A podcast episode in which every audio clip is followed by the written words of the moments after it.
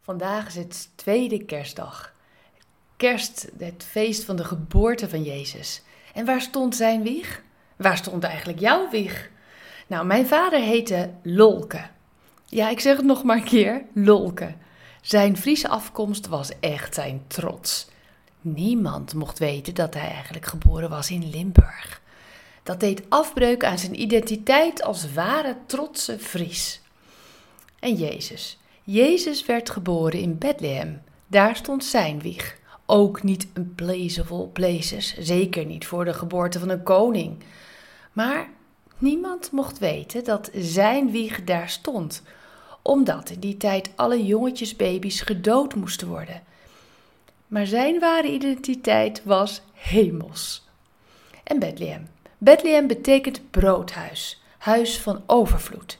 Jezus wieg stond op de plek waar overvloed is. Genoeg brood voor iedereen. Eten voor je lichaam en eten voor je ziel. Vervulling van je verlangens. Jezus zegt in Johannes 6: Ik ben dat echte brood dat levend maakt. Iemand die bij mij komt, zal nooit meer honger hebben. Heb jij honger? Honger jij? Honger jij naar contact, naar liefde, naar bevestiging?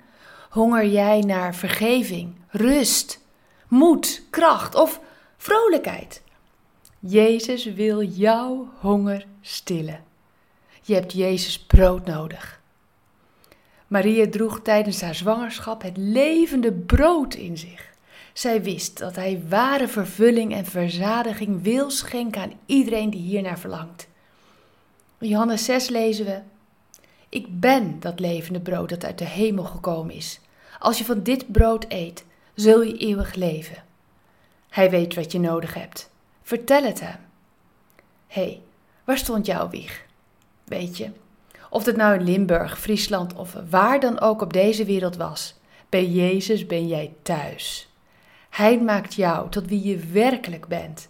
Hij geeft jou zijn identiteit, hemelse identiteit. Ik heb honger naar uw nabijheid in deze donkere tijd. Maar ik mag weten, u zult me nooit vergeten. Waar mijn wieg ook stond in dit leven, uw identiteit is mij gegeven.